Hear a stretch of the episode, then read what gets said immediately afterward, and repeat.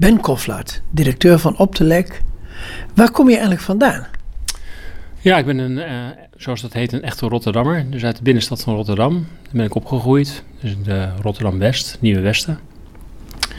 En uh, ja, ik ben uh, al heel wat jaren geleden geboren. Begin 60 jaren. Dus ik heb de hele ontwikkeling ook van Rotterdam van nabij kunnen meemaken. Maar er was toen nog in opbouw, toch? Of niet? Ja, Na de oorlog. Ja, Rotterdam is nog steeds in opbouw, maar zeker was het toen in opbouw. Want uh, toen ik klein was, was er nog een hertenkamp uh, bij het Centraal Station. En uh, ja, was er verder toch wel heel veel kale plekken. En op school waren altijd de heipalen te horen. Dat was echt Rotterdam. Want Rotterdam was gebombardeerd. Trouwens, net zo als Nijmegen, hè? dat weet je ook. Hè? Ja, ja, ja, ja. Meer, plaatsen, meer plaatsen die gebombardeerd zijn. Ja. Nou, maar Nijmegen is net zo erg gebombardeerd als, uh, als Rotterdam. Alleen uh, dat waren de andere. Ja, ja, ja. ja. Um, jij bent daar, daar, geboren. Dat was in, in, de, in de jaren dat uh, de conjunctuur naar boven ging. Er was opbouw. En, en hoe, hoe, hoe heb je dat ervaren als kind? Nou, heel leuk. Het was ook een hele uh, aparte tijd. Ik, ben, uh, ik zat nog in een, op een school, een katholieke school, dat nog geleid werd door nonnen. Dus uh, dat maak je tegenwoordig niet meer mee eigenlijk. Nee. En je zag ook de, de, multiculturele samenleving, zoals dat zo mooi heet, ontstaan. De mensen uit Suriname kwamen toen allemaal over in het begin 70 jaren, eind jaren 60. En de, de eerste gastarbeiders die waren er allemaal uit Spanje en uit Marokko en, en Turkije. Dus je kreeg langzamerhand een, een, een smeltkroes, zoals die nu heden te dagen uh, nog bestaat.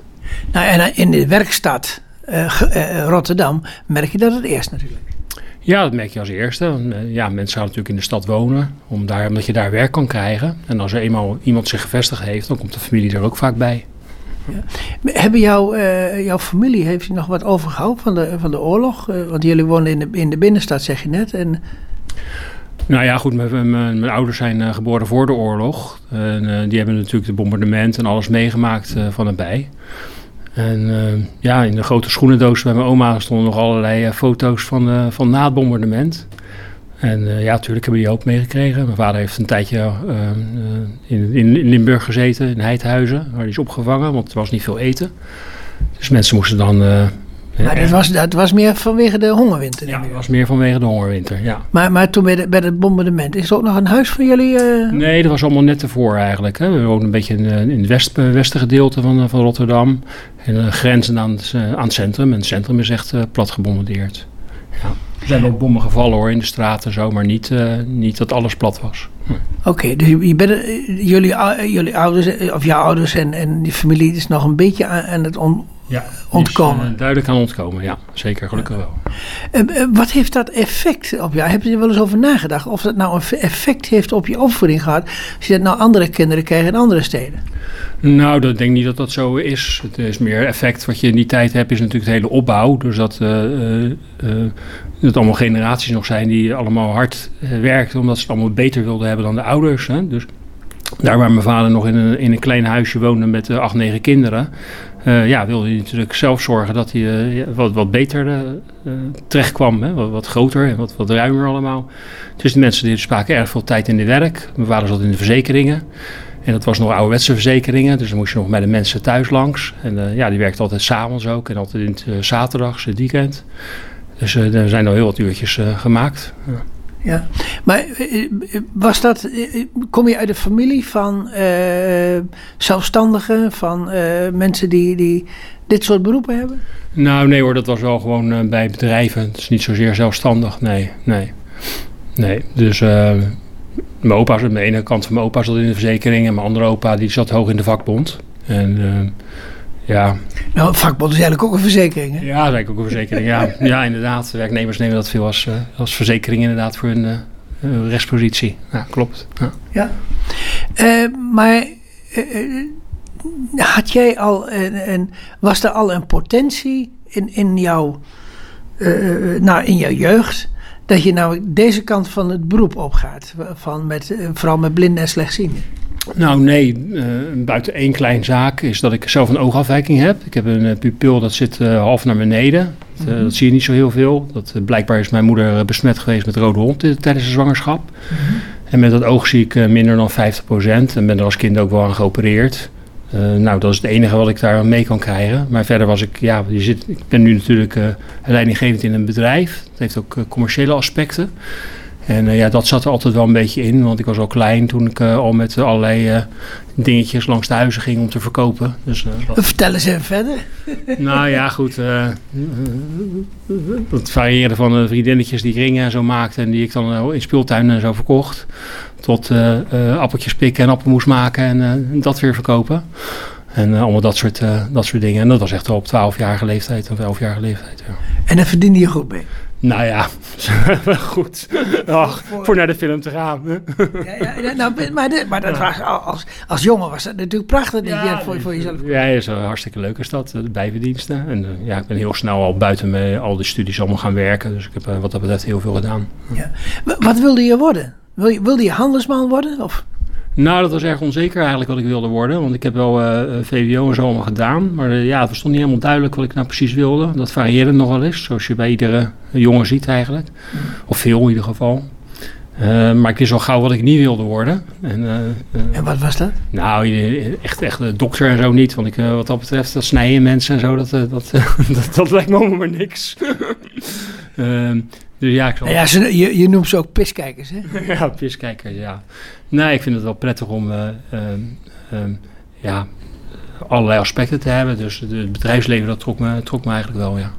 Maar jou trok dus meer de, meer de, de commerciële kant dan echt, echt de, de, de technische kant? Ja, ja, absoluut. Alleen ik ben in de technische kant uiteindelijk terechtgekomen. Dus ik, mijn eerste echte baan was bij een oliemaatschappij. En toen ben ik naar een, een technisch handelsbedrijf gegaan. Dus daar begon de eerste techniek al. En vervolgens in de medische handelswereld en uiteindelijk ben ik hier terechtgekomen. Dat is een lange weg waar we straks nog echt nog wel even over uh, door zullen gaan. En, uh, en jouw broers en zussen, wat, wat gingen die doen? Nou, daar kan ik heel erg kort over zijn, want die heb ik niet. Ik ben... Alleen? Ja, ja, ja. ja, ja. Ze zeggen wel eens alleen op de wereld, maar ja, ik ben, ik ben enig kind, zoals dat dan heet. Ja, ja en, uh, maar had jouw vader je ook voorbestemd om iets te gaan doen? Had hij ook plannen met jou? Nou, hij vond het wel heel erg leuk als ik... Uh, hij had ook wel eigen uh, portefeuilles in de verzekeringen, dat ik dat over zou nemen. Ja. Maar ja, ik zag die arme man zo elke avond en elke zaterdag op pad gaan. En ik denk, nou, laat dat maar zitten. Daar had ik dan niet zo trek in. Het is vaak dat je of helemaal niet wil wat je ouders willen, of juist wel. En tussenin is eigenlijk niet zo. En ik had iets van, nou, ik kies mijn eigen weg wel. En je wou zeggen dat je nu s'avonds niet meer werkt? Nee, ik, tuurlijk werk ik nu ook s'avonds. maar ja, eh, wel gedoseerd hoor, moet ik zeggen. En het is wel een stuk meer geworden, maar goed, daar komen we later nog een keer op. Ja. ja. En uh, hoe zat het, hoe het gezin, jou, jouw vriendjes en, en wat, wat deed je in je jeugd? Zat je bij de verkennerij, de voetballerij? Oh, zo. Nou ja, ik was echt een voetballer. Ik kom uit Rotterdam en ik woonde vlakbij Spangen. Dus ik ben bij, bij Sparta gewonnen, begonnen eigenlijk als, Niet veel. Nee, nee, ik ben echt een Spartaan. Dus ik heb het nog... Uh, en daar ben ik, uh, ja, mijn opa ging naar Sparta, dus mijn vader ging. En dan ben ik aangenomen, daar moest ik voorspelen en zo en, dat soort dingen. En heb ik een tijdje eh, daar gevoetbald. En uh, dat was wel mijn hoofd, uh, mijn hoofdding als jeugd, als jongen. Ja. Maar kon je ook redelijk spelen? Ik kon wel redelijk voetballen, ja. Alleen ik heb een, uh, ander, een anders uh, carrière gemaakt, dus ik ben hoog begonnen en laag geëindigd. Maar, maar als jij toch een, een, een oogafwijking hebt, hm. want ik neem aan dat je met het ene oog beter hm. kijkt dan het andere, dat je dan ook afstanden moeilijker kunt inschatten, is dat wel zo handig met voetbal? Ja, dat is een hele terechte vraag die je hebt. Uh, als de zon schijnt ben ik met één oog eigenlijk blind. Um, maar je hersens schijnen toch redelijk te, de, te vertalen. Dus uh, de diepte heb ik wel moeite mee. Want ik ja, laat... dat bedoel ik eigenlijk, want ik heb het zelf ook hoor. En je moet het door, door de grootte moet je dan de, de diepte nee, Klopt, dat klopt. Uh, uh, maar goed, ik ben ermee geboren, dus blijkbaar doen je hersenen dat aardig vertalen. Maar ik ben later ook fanatiek gaan tennissen. En daar heb ik eigenlijk meer moeite mee dan. Als de zon goed schijnt, dan wil ik wel eens een keer een bal laten lopen die je eigenlijk zou kunnen hebben. Ja, maar bij tennissen, daar komt ook echt, echt de bal aan, de zijkant. Dan moet je maar, maar uh, dan moet je je racket ergens, daar maar precies hebben waar die bal komt. Klopt. Ja, terwijl bij voetbal toch wel de, de bal toch redelijk op je afkomt. Ja, bij voetbal heb ik er, mijn zin is niet zoveel last van gehad. Misschien dat anderen er anders over dachten, maar zelf uh, heb ik dat niet zo ervaren. Maar met tennissen wel. Nee, maar het is een probleem wat ik. Wat ik, ik heb een lui oog. En, en dan, dan ook met autorijden enzovoort. Je moet altijd iets voorzichtiger zijn dan een ander. Want je, uh, Want afstanden inschatten, dat kun je alleen op grote doen. En dat is niet altijd helemaal betrouwbaar. Nee, dat klopt. In, in het begin heb je ook van die 3D-brilletjes gehad. Tegenwoordig is dat wel beter. Uh, maar zoveel jaar geleden had je dan zo'n ene groene en een ene rode. En die moest je dan opzetten. En daar hebben wij allebei niks aan. Nee, zag niks. zag je gewoon een rood beeld. dus daar zag je helemaal niks aan. Er zag helemaal niks aan. Nee, dat klopt. Nee. Uh, zullen we straks maar even doorgaan over jouw uh, je, je, opleiding. En dan langzamerhand naar de, jouw werkervaringen. Oh, dat is prima, George.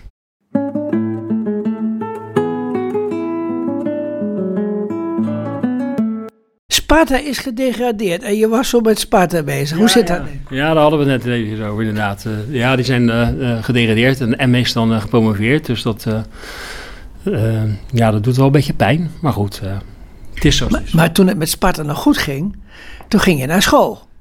En, en hoe liep dat? als jongen. Ja. ja, dat was altijd wel vechten. Want uh, als je 30 kinderen in de klas hebt, waren er één of twee voor Sparta en de rest was voor Feyenoord. Dus je moest wel je plekje altijd uh, bevechten. Dat was niet altijd eenvoudig, maar uh, goed, dat is toch altijd wel gelukt. Maar was je een beetje, een beetje gelukkig op school? Kon je ook makkelijk leren? Ja, ik kon enorm makkelijk leren. misschien wel een beetje te makkelijk. Dus ik had allemaal hele... Lui dus? ja, ik had zelfs allemaal tien op mijn eindrapport van de lagere school. Maar dan wordt de overstap naar de middelbare school is dan wel ineens een verrassing. Ja. Want dan moet je ineens wel gaan doen. Hm? Ja. ja.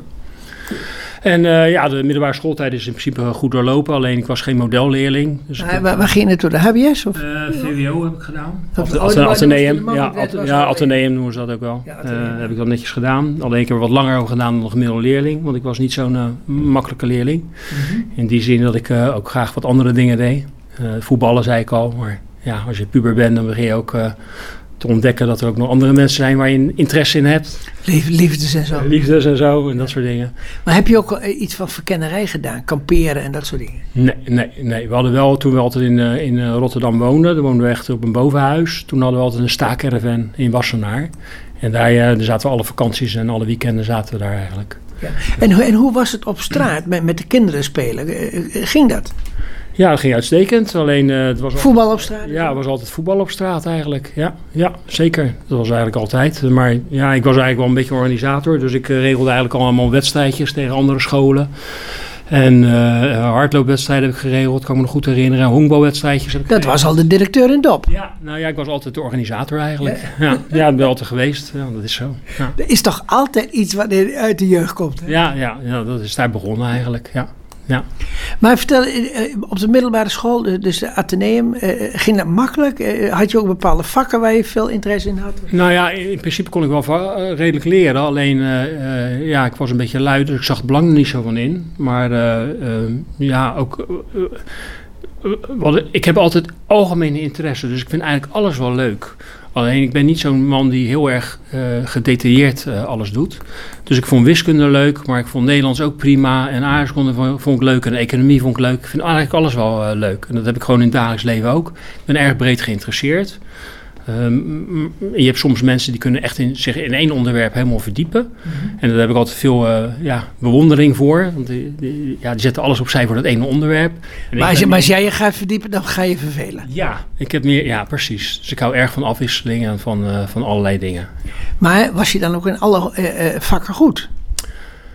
Um, nou ja, ik had niet zo. Uh, ik was, was wat beter in de, ta in de rekenkant dan in de talenkant. Dus ik was wat meer. Want ja, talen is allemaal heel precies ook. Rekenen ook wel. Maar nee, ik was wel beter in wiskunde, dat soort vakken. Ja. Okay. En, en, en, en, na het diploma van, de, van het Atheneum, wat ben je dan gaan doen? Nou ja, ik had er wat langer over gedaan. Dus ik uh, had eigenlijk dienst tegen moeten. Maar dat hoefde dan niet, want ik had afgekeurd voor mijn oog. Uh, ja, toen was er nog een vrij groot aanbod van, van mensen.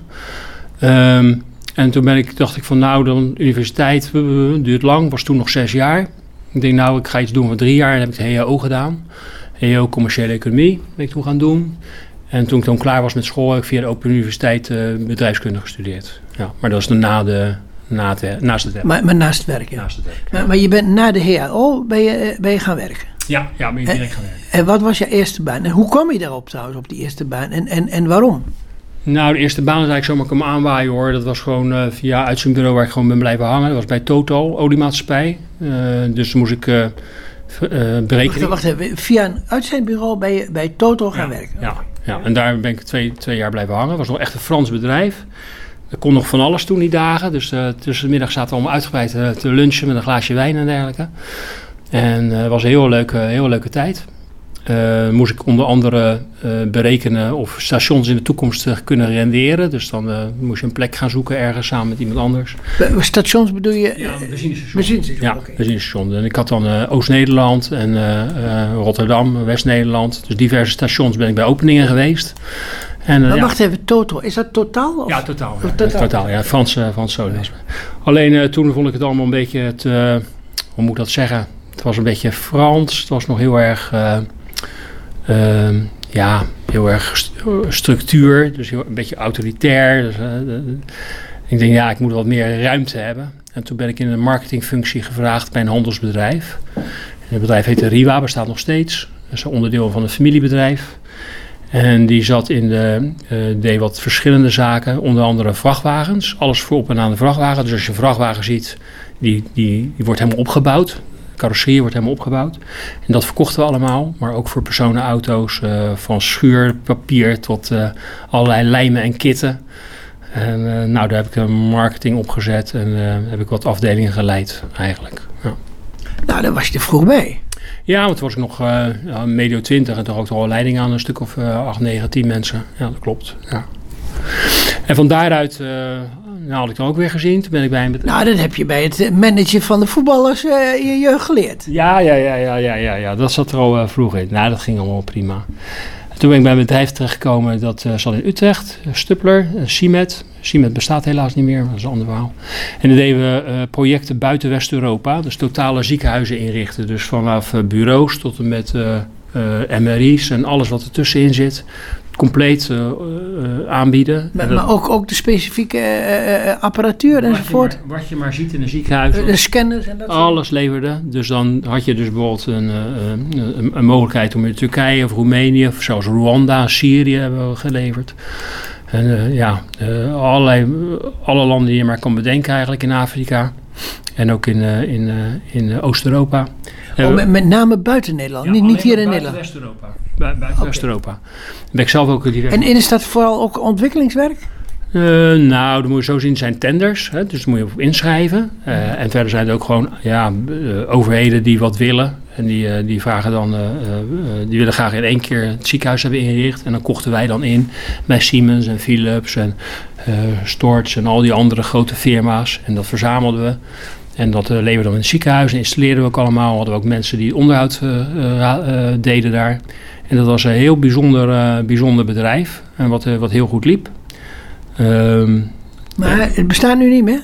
Nee, maar goed, dat is een ander apart verhaal. Het, uh, het valt een beetje buiten dit, dit pescoop. Okay.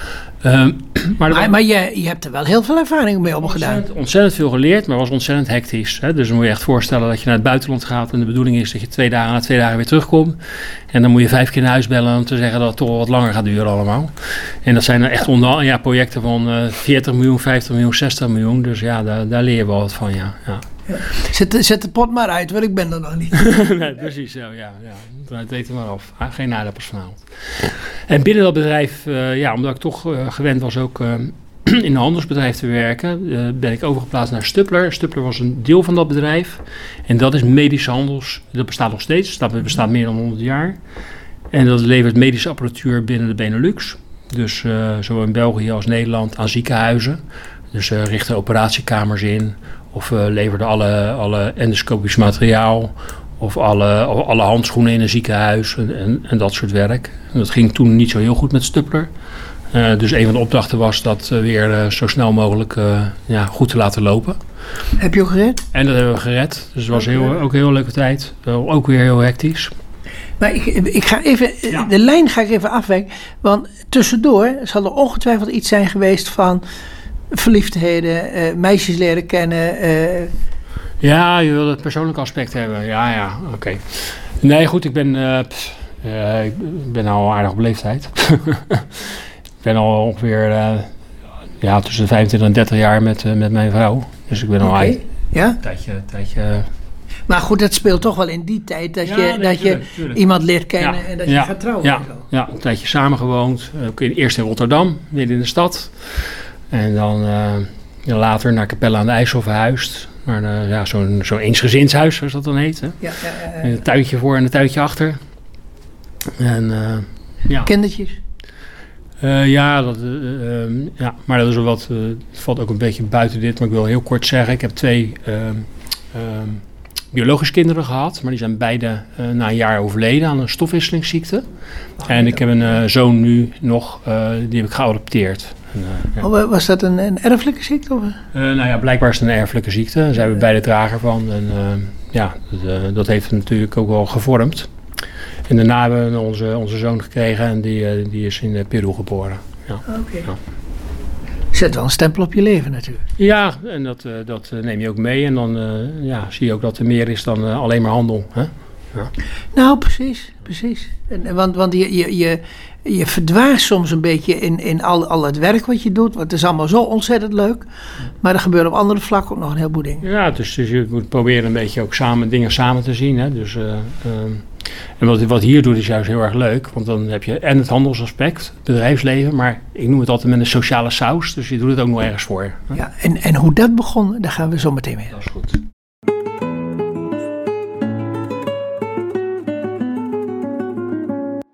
Jij zat in, op een handelspost in, in de medische wereld. En, en je ging uiteindelijk uh, iets doen met hulpmiddelen voor slechtzienden. Hoe kwam je daartoe? Nou, klopt. Ik, uh, ik, ik, zag op uh, een advertentie eigenlijk staan van Tiemann, de voorloper van Optelec, zo heette dat. Die oh, die, die de eerste beeldscherm ja. gemaakt heeft in 73 zo'n beetje. Inderdaad, er kwam een 73 familiebedrijf. En ja, die zocht eigenlijk een directeur voor de, voor de Benelux, of voor Nederland in dat geval nog.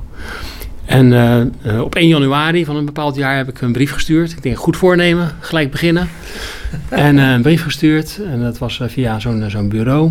En uh, het leek me erg leuk, want ja, ik, ik, zocht toch iets wat, wat een beetje commercieel was, omdat daar ja, toch een beetje mijn, mijn interesse naar uitgaat. Maar ik zocht zeker niet een bedrijf wat het zoveelste kleur vla op de markt bracht. En ook geen hardselling bedrijf, maar meer iets ja, wat, wat echt een beetje betekenis heeft. En dat was in dit geval voor slechtzienden en blinden. Maar wou je daarmee zeggen dat in de wereld van blinden en slechtzienden geen hardselling zijn? Ja, laat ik het zo zeggen, dat verwacht je daar niet. Diplomatiek uitgedrukt. Ja, dus, ja ik, weet, ik kan niet zo goed verder beoordelen, maar dat verwacht je niet. En je hebt in ieder geval, in ieder geval het idee dat er, dat er met de producten en diensten die je op de markt brengt, dat je daar wat, wat goeds mee doet. En dat bedoel ik echt wel meer dan, ja, ik noem het maar de zoveelste kulle want dat geeft toch te weinig uh, voldoening. Nou, van de andere kant heeft uh, Steve Jobs met bijvoorbeeld zijn uh, iPhone die is heel commercieel bezig, maar die heeft ook hele goede dingen voor blinden en slechtzienden gedaan. Ja, heeft hij hartstikke goed gedaan. Die heeft gelijk goed gedacht aan hoe maak ik mijn producten toegankelijk voor iedereen. En ja, eigenlijk zouden meer mensen dat moeten doen. Het zou wel betekenen dat wij weer minder handel hebben, maar het, ja, het is wel waar de samenleving naartoe moet dat alles voor iedereen toegankelijk is. Nou, maar daarmee wil ik even een, nuance aanleggen van uh, uh, softe commercie, maar met harde commercie zou je het ook kunnen doen. Ja, nee, ik snap, ik snap het bruggetje, maar goed, dat was toen mijn gedachte. Nee, niet mijn voorkeur hoor. Oké, oké, oké. Nou ja, toen, toen heel simpel, was een sollicitatieprocedure en ben ik gewoon aangenomen. En ben ik begonnen in, in Hoogvliet, waar we toen nog zaten. we hadden toen nog twee panden, één in Rokkanje en één in Hoogvliet. En ik kwam toen uh, te werken in Hoofdvliet. Oranje was dan de productie en Hoofdvliet was uh, ja, het verkoopkantoor, noemen we het dan maar eventjes. Maar Tiemann die was, uh, die was opticien en die had gewoon een klant geloof ik die slechtziend was en wilde iets voor maken. En ja, is die eerste beeldscherm is ontwikkeld. Ja. En wat is er toen gebeurd eigenlijk? Nou ja, toen is het bedrijf natuurlijk veel groter geworden. heel veel in andere landen was ook veel interesse. Dus die vonden al gauw zijn weg naar allerlei landen in, in Europa. En meestal in de buurt van de vakantieadres van meneer Tiemann. En uh, ja, zo, uh, zo ging het. Ging hij daarna op vakantie of even, wat was de oorzaak? Nou ja, dan ging hij bijvoorbeeld naar Oostenrijk en dan uh, deed hij daar gelijk een beetje handel bij. En ja, ja. dan moesten de kinderen boven op de beeldscherm lopen zitten. En dan, zo gingen ze dan naar het buitenland.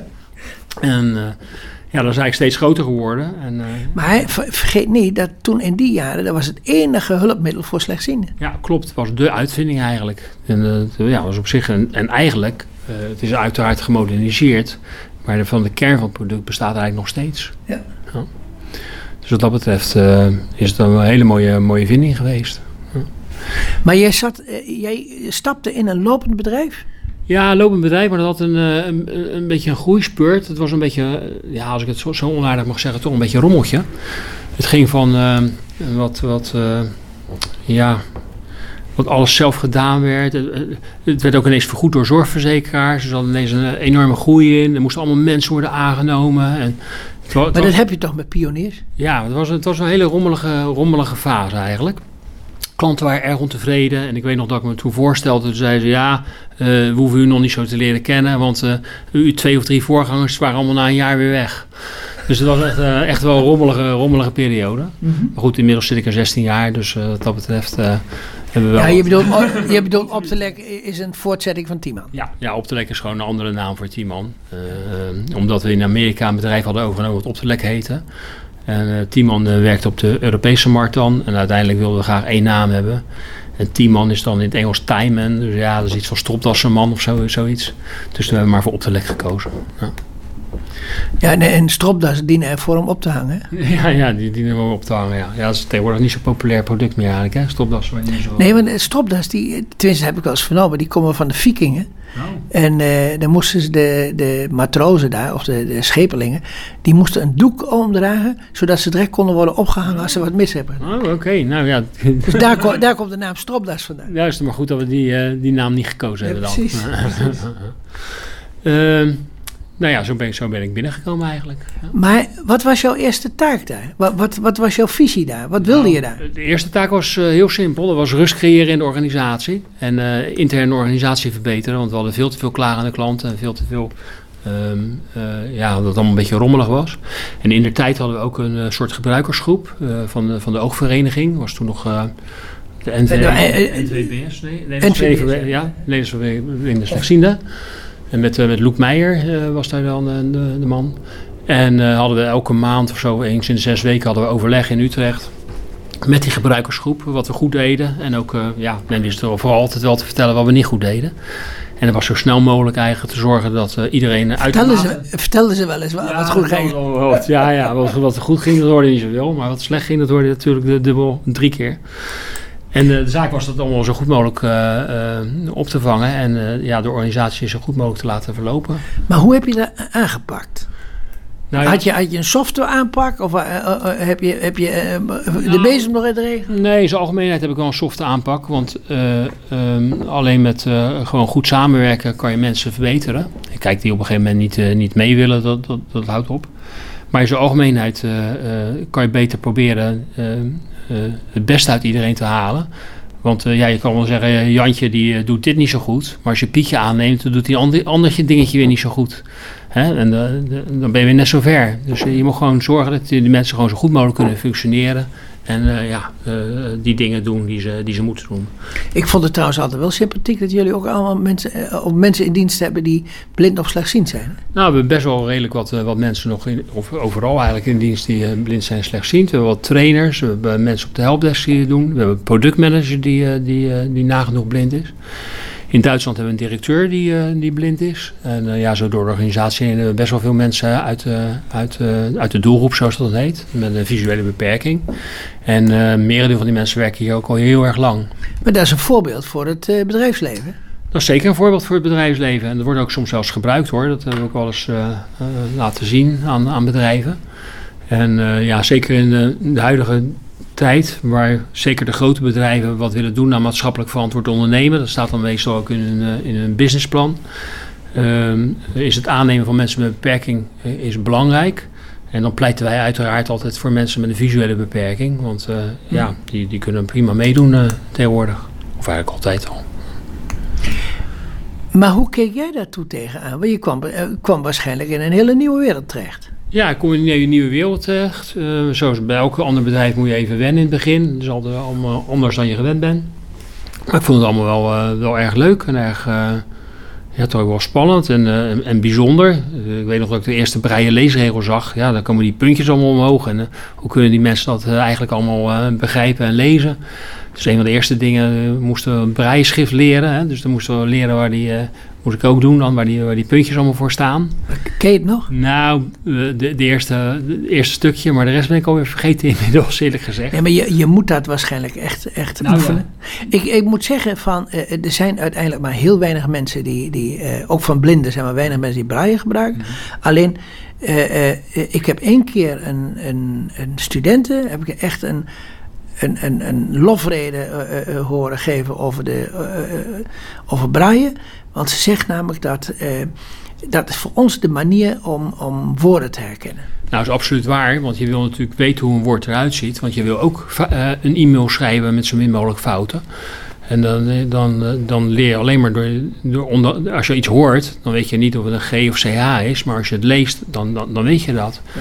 Nou, ik vind, ik vind ook dat dit, eh, ook al is het een kleine groep, uh, uh, dat moet je altijd blijven voortstaan en, uh, en dat moet in ieder geval blijven. Ja, ja. nou ja, we, erg voor Brian, we hebben hier ook mensen werken en als je aan de telefoon zit en je werkt alleen met spraak, ja, dan hoor je dus twee stemmen door elkaar heen, dat werkt gewoon niet. Maar als je dus aan de telefoon zit en je kan ook nog Braille lezen, dan kan je en zowel lezen, hè, je computer gebruiken, als ook de klanten te woord staan. Dus het heeft gewoon een hele, hele goede functie, zeker als je werkt. Als je thuis misschien alleen in je kamertje zit, ja, dat is misschien wat minder belangrijk.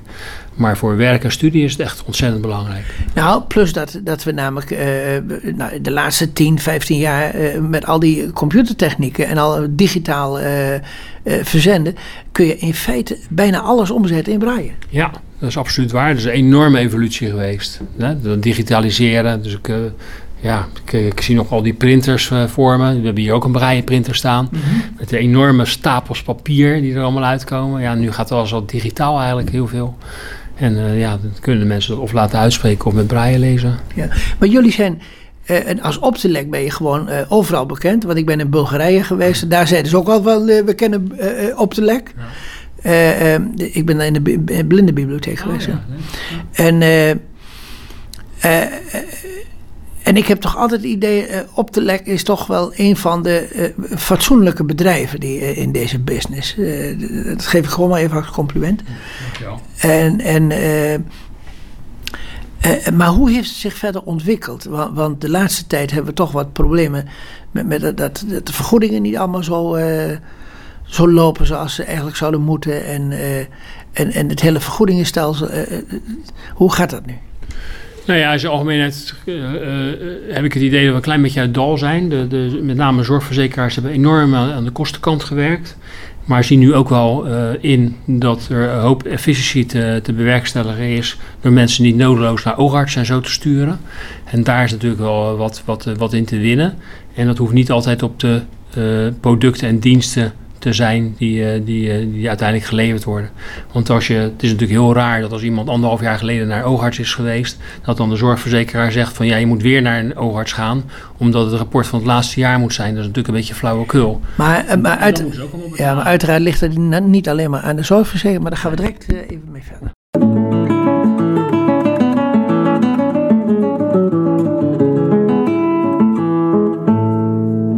We gaan het verder even hebben over over Optelec, maar ook, ook het, over het hele gebied van uh, hulpmiddelen voor blinden en slechtzienden. Van, uh, uh, hoe was dat toen jij begon? Was er toen een ruime vergoedingen van de verzekering? Hoe waren de verhoudingen en hoe is dat veranderd? Ja, dat is wel heel erg veranderd. We hebben natuurlijk twee aspecten. De zorgverzekeraars voor mensen thuis. En we hebben de werk- en studiesituatie. En dat is via het UWV. Nou, dat laatste laat ik even buiten beschouwing. Maar als je kijkt naar de zorgverzekeraars, toen ik binnenkwam had ik een dagtaak aan zorgverzekeraars, want er waren nog tussen de 50 en 40 waren er nog. En uh, ja, die hadden zo allemaal de eigen afspraakjes. En dat was eigenlijk uh, ja, op basis van uh, ja, hoe je elkaar een beetje kende. En dat was allemaal vrij informeel. En zo werden ook de prijzen bepaald. Van ja, doe nog 50 euro af of 50 euro bij. Of zo ging dat. En toen heb je natuurlijk de ene consolidatie gekregen van de, van de zorgverzekeraars, waardoor er aan de inkoopkant nog maar een stuk of uh, zes, zeven zorgverzekeraars zijn, waarvan de vier hele grote, de Mensis, CZ, VGZ Groep en Achmea. En daarnaast een paar kleintjes die wel of niet met elkaar samenwerken. Um, dus ja, dat is een enorme, enorme uh, beperking van, van het aantal. Dat houdt ook in dat voor bedrijven zoals wij, maar ook voor allerlei andere uh, bedrijven die zich in de zorg begeven, en waarvan vergoeding via de zorgverzekeraars uh, wordt geregeld, ehm, de, de positie van de zorgverzekeraar vele malen sterker is geworden. Daar je vroeger nog eens kon zeggen van ja, die zorgverzekeraar die zegt uh, ik geef maar 1000 euro voor dat product en het kost 2000. Zeg nou, dan, uh, dan, uh, krijg je, dan gaan wij geen contact met jullie afsluiten als leverancier. Dan zeggen we nou, laat maar lopen. Dan kon je dan nog permitteren. Maar tegenwoordig kan je dat natuurlijk niet permitteren. Want dat is gelijk 200, 2 miljoen verzekerden of zo die je dan uitsluit. Dus dat gaat niet. Maar betekent dat dat je moet gaan strippen aan, aan je, aan je producten om het nog verkoopbaar te houden? Nou ja, goed. Uh, uh, we hebben natuurlijk een hele slag gehad met, met veilingen en dat soort dingen. Dus er is enorm uh, in prijzen achteruit gegaan. En ook met, met, met allerlei regelingen. Ze zijn natuurlijk steeds strenger en strenger geworden. Ehm, aan de andere kant zie ik dan wel weer wat lichtpuntjes. Omdat ik een beetje het idee heb dat we de ergste hoos nu gehad hebben. En waar, waar blijkt dat uit dan? Ja, omdat ik ook in de gesprekken met zorgverzekeraars er toch al uh, diverse zijn die toch ook wel uh, vinden dat er gewoon goede kwaliteit moet worden geleverd. Dat mensen daar toch ook wel recht op hebben. Ik wil niet zeggen dat ze dan gelijk veel met de portemonnee klaarstaan.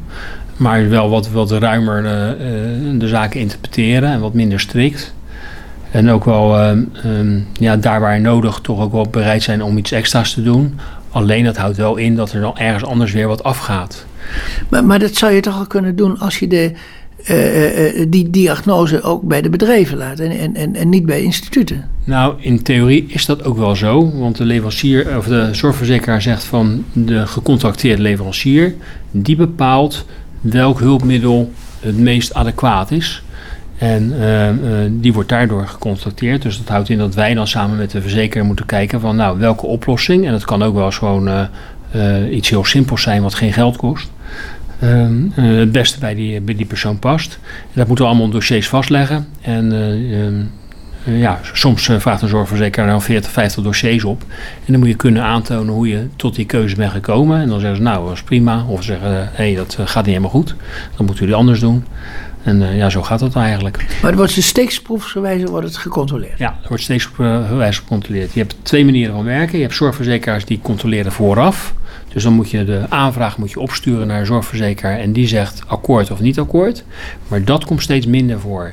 Steeds meer gaat de zorgverzekeraar er naartoe om te zeggen, nou leverancier, jij wordt gecontacteerd, jij moet het allemaal regelen en achteraf ga ik controleren. En dat houdt ook in dat uh, ja, leveranciers ook heel erg uh, uh, volgens de regels van de zorgverzekeraar zo goed mogelijk proberen te doen natuurlijk. Want die wil niet dat je na afloop uh, om je oren wordt geslagen dat je dingen niet goed behandelt. Of dat je nog uh, straf uh, krijgt of dat soort zaken. Ja, maar dat betekent namelijk dat je in, in, in feite indirect aan de leiband moet lopen van de verzekeraar. Um, ja, eigenlijk is dat wel zo. Want de, die, die, bepaalt, hè. Die, die, wie, bepaalt, wie betaalt bepaalt, zeggen ze altijd. En dat is in dit, dit geval eigenlijk ook wel zo. Maar is er dan nog wel een, een, een openingen voor nieuwe producten? Openingen voor nieuwe producten is er altijd, maar die moeten wel vallen onder de regeling hulpmiddelen. Dus die moeten wel uh, passen in de, in de regeling zoals die door het ministerie ooit is opgesteld. Uh, de laatste dingen die daarin zijn gekomen zijn bijvoorbeeld gesproken ondertiteling. En toen was er ook nog iets van, ik dacht voor mobiele telefoons, dat er sprake was van mobiele telefoons. Dat zijn eigenlijk de laatste dingen, maar daar praten we ook alweer een jaar of acht, negen geleden. andere, andere dingen kunnen er wel in voortkomen, maar ja, moeten wel passen in de huidige prijsstructuur en de huidige regelingen. Maar heb je nou het idee dat, uh, dat leveranciers uh, echt hebben moeten knijpen?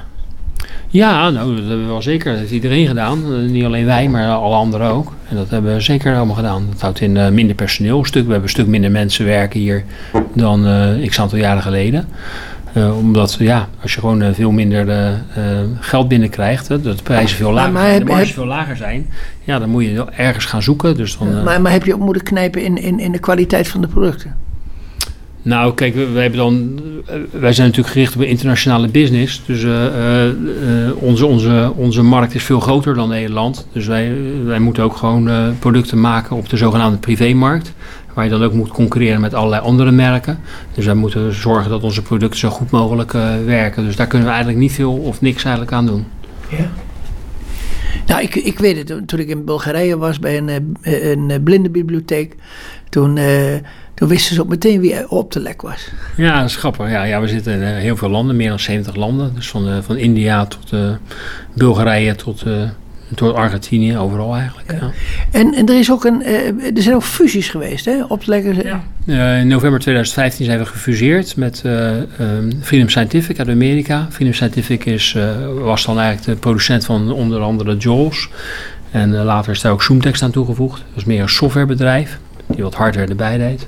En Optlek is meer een hardwarebedrijf, dus meer de producten maakt. En uh, ja, we zijn samen gegaan en dat gaat eigenlijk prima. Dus we hebben twee kantoren. Het hoofdkantoor in, voor Europa is hier in Barendrecht. En het hoofdkantoor voor uh, Amerika is in uh, Sint-Petersburg in Florida. En hoe werkt dat? Nou, het werkt eigenlijk wel prima. Het was even een jaartje aan elkaar wennen. Want de Amerikaanse cultuur en de Europese cultuur verschilt toch wel wat. Mm -hmm. maar we hebben allemaal onze weg gevonden. En dat gaat eigenlijk wel prima. Dus, Ik hoorde dat Zoomtext behoorlijk duurder is geworden. Klopt dat? Uh, nou, niet hier op de Nederlandse markt. Het zou misschien ergens anders kunnen gelden, maar niet zeker op de Nederlandse markt uh, niet. Helemaal niet eigenlijk. Oké, okay. uh, pak van maat. maar jij, jij hebt, on, on, ondertussen heb jij namelijk, nou, je, je werkt in het bedrijf, maar je was ook, of bent nog steeds, voorzitter van de branchevereniging. Uh, nou, dat was tot voor kort hoor. Nee, dat heb ik uh, mee gestopt. Ook, uh, dat is de CISO-vereniging, die ook jaarlijks de CISO-beurs organiseerde. Mm -hmm. maar daar ben ik een jaartje geleden of zo mee gestopt. En dat doet nu Bernard Bremmer, die is, geeft leiding aan Lexima Reineker. Ehm, ja, dat komt ook een beetje door de, door de, door de roerige tijden. En na fusie moet er ontzettend veel dingen gebeuren. Inmiddels hebben we ook wat andere bedrijven overgenomen. Dus buiten mijn verantwoordelijkheid voor de Benelux-markt heb ik ook wat andere taken erbij. En uh, ja, die, die vragen zoveel tijd dat ik niet alles uh, meer kan doen. Dus ik moet ook keuzes maken. Dus ik heb gekozen om uh, daarmee te stoppen. En gelukkig is er iemand anders die het uitstekend heeft, heeft overgenomen. Ja. Maar, maar, jij was toch directeur opleg van Nederland, of niet? Of... Ja, ik, ik, doe, nee, ik doe ook België, doe ik dan. Okay. Daar hebben we ook een kantoor, we werken twaalf mensen.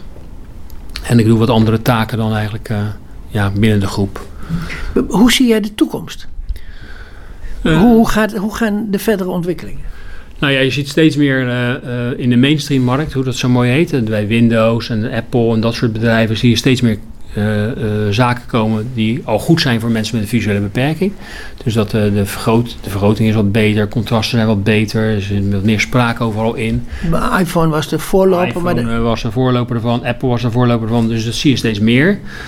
Um, maar er blijft ja, naar mijn idee blijft er altijd een bedrijf nodig, of in ieder geval iets nodig, die de stap maakt van uh, producten die er voor iedereen zijn, naar het gebruik voor mensen met een visuele beperking. Want soms moet dat nou net even anders. En wij noemen dat de interface. Dus dat is dan de knoppen, die moeten wat groter, of moeten wat meer contrast zijn in de knoppen, of er moeten net wat andere instellingen zijn. En uh, daar blijft gewoon maar, dat is mening altijd een, markt, altijd een markt voor. Maar, maar, dat is op zich een nieuwe opvatting hoor. Want, want vroeger, want ik heb nog heel veel hubmodellen gezien, die werden namelijk allemaal specifiek gebouwd voor, uh, uh, voor slechtzienden of voor blinden. terwijl er uiteraard een heleboel onderdelen aan zitten die, die in de gewone, op, gewoon op de markt zijn. Maar, maar je moet, wat je nu zegt, ja, je, je moet er even voor zorgen dat je namelijk dat, dat, dat surplus er aangeeft, zodat een blind of slechtziende ermee kan werken. Ja, dat, dat is eigenlijk de bedoeling. Hè. Je ziet ook die brillen langzamerhand verschijnen met allerlei soorten, waar, waar allerlei andere mensen ook uh, profijt van kunnen hebben. Dus dat je kan wat laten. Wat, laten, wat bedoel je dan? Nou ja, als je zo'n bepaalde bril op hebt, dat je gewoon kan laten voorlezen. Oh, en, dat uh, ja, oorkam. Ja. ja, bijvoorbeeld de oorkam, maar je hebt wel meer, heel veel meer van dit soort types. Dus je ziet steeds meer ook dat, waar, de, waar iedereen wat baat mee kan hebben, maar dus ook mensen met een visuele beperking. Maar het is duidelijk dat als je bijvoorbeeld een braille leesregel heeft, ja, die zal nog geen onderdeel gaan uitmaken van een, van een computer die iedereen thuis heeft. Dus dat is echt nog een specifieke aanpak. Maar goed, hij, hij, is trouwens eh, heel makkelijk aan te sluiten op, op, uh, op alle uh, Apple-producten. Ja, op Apple-producten is het prima aan te sluiten. Voor Windows heb je nog een ander apart programmaatje nodig. Maar de, uh, de leesregel op zich blijft, blijft bestaan. En zo zie je natuurlijk ook allerlei andere producten die blijven bestaan. Ja, hoe, of, hoe, groot, hoe groot dat dat tussenvlak is, ja, dat weet ik natuurlijk niet. Maar dat, is, dat is de spanning waarmee jij Precies. in de toekomst mee ja. bezig bent. Uh, heb jij nog iets wat je nog echt van je hart wilt? Nou. Ja, dat vind ik een, een, een lastige vraag eigenlijk. Uh, in principe uh, niet echt. wij doen er gewoon alles aan om zo goed mogelijk werk af te leveren. En zo goed mogelijk te zorgen dat mensen die een product of dienst van ons afnemen, dat ze daar daadwerkelijk ook wat mee hebben. En dat het niet in de kast of zoiets verschijnt, want daar heeft niemand wat aan. Ja. En ja, daar doen we gewoon dagdagelijks met al die mensen die hier werken ons best voor. Nou, ik hoop dat je in de toekomst ook uh, je best kunt blijven doen en dat ook die mogelijkheid wordt geboden. En mag ik je heel hartelijk danken voor het interview. Ja, graag gedaan. Dankjewel.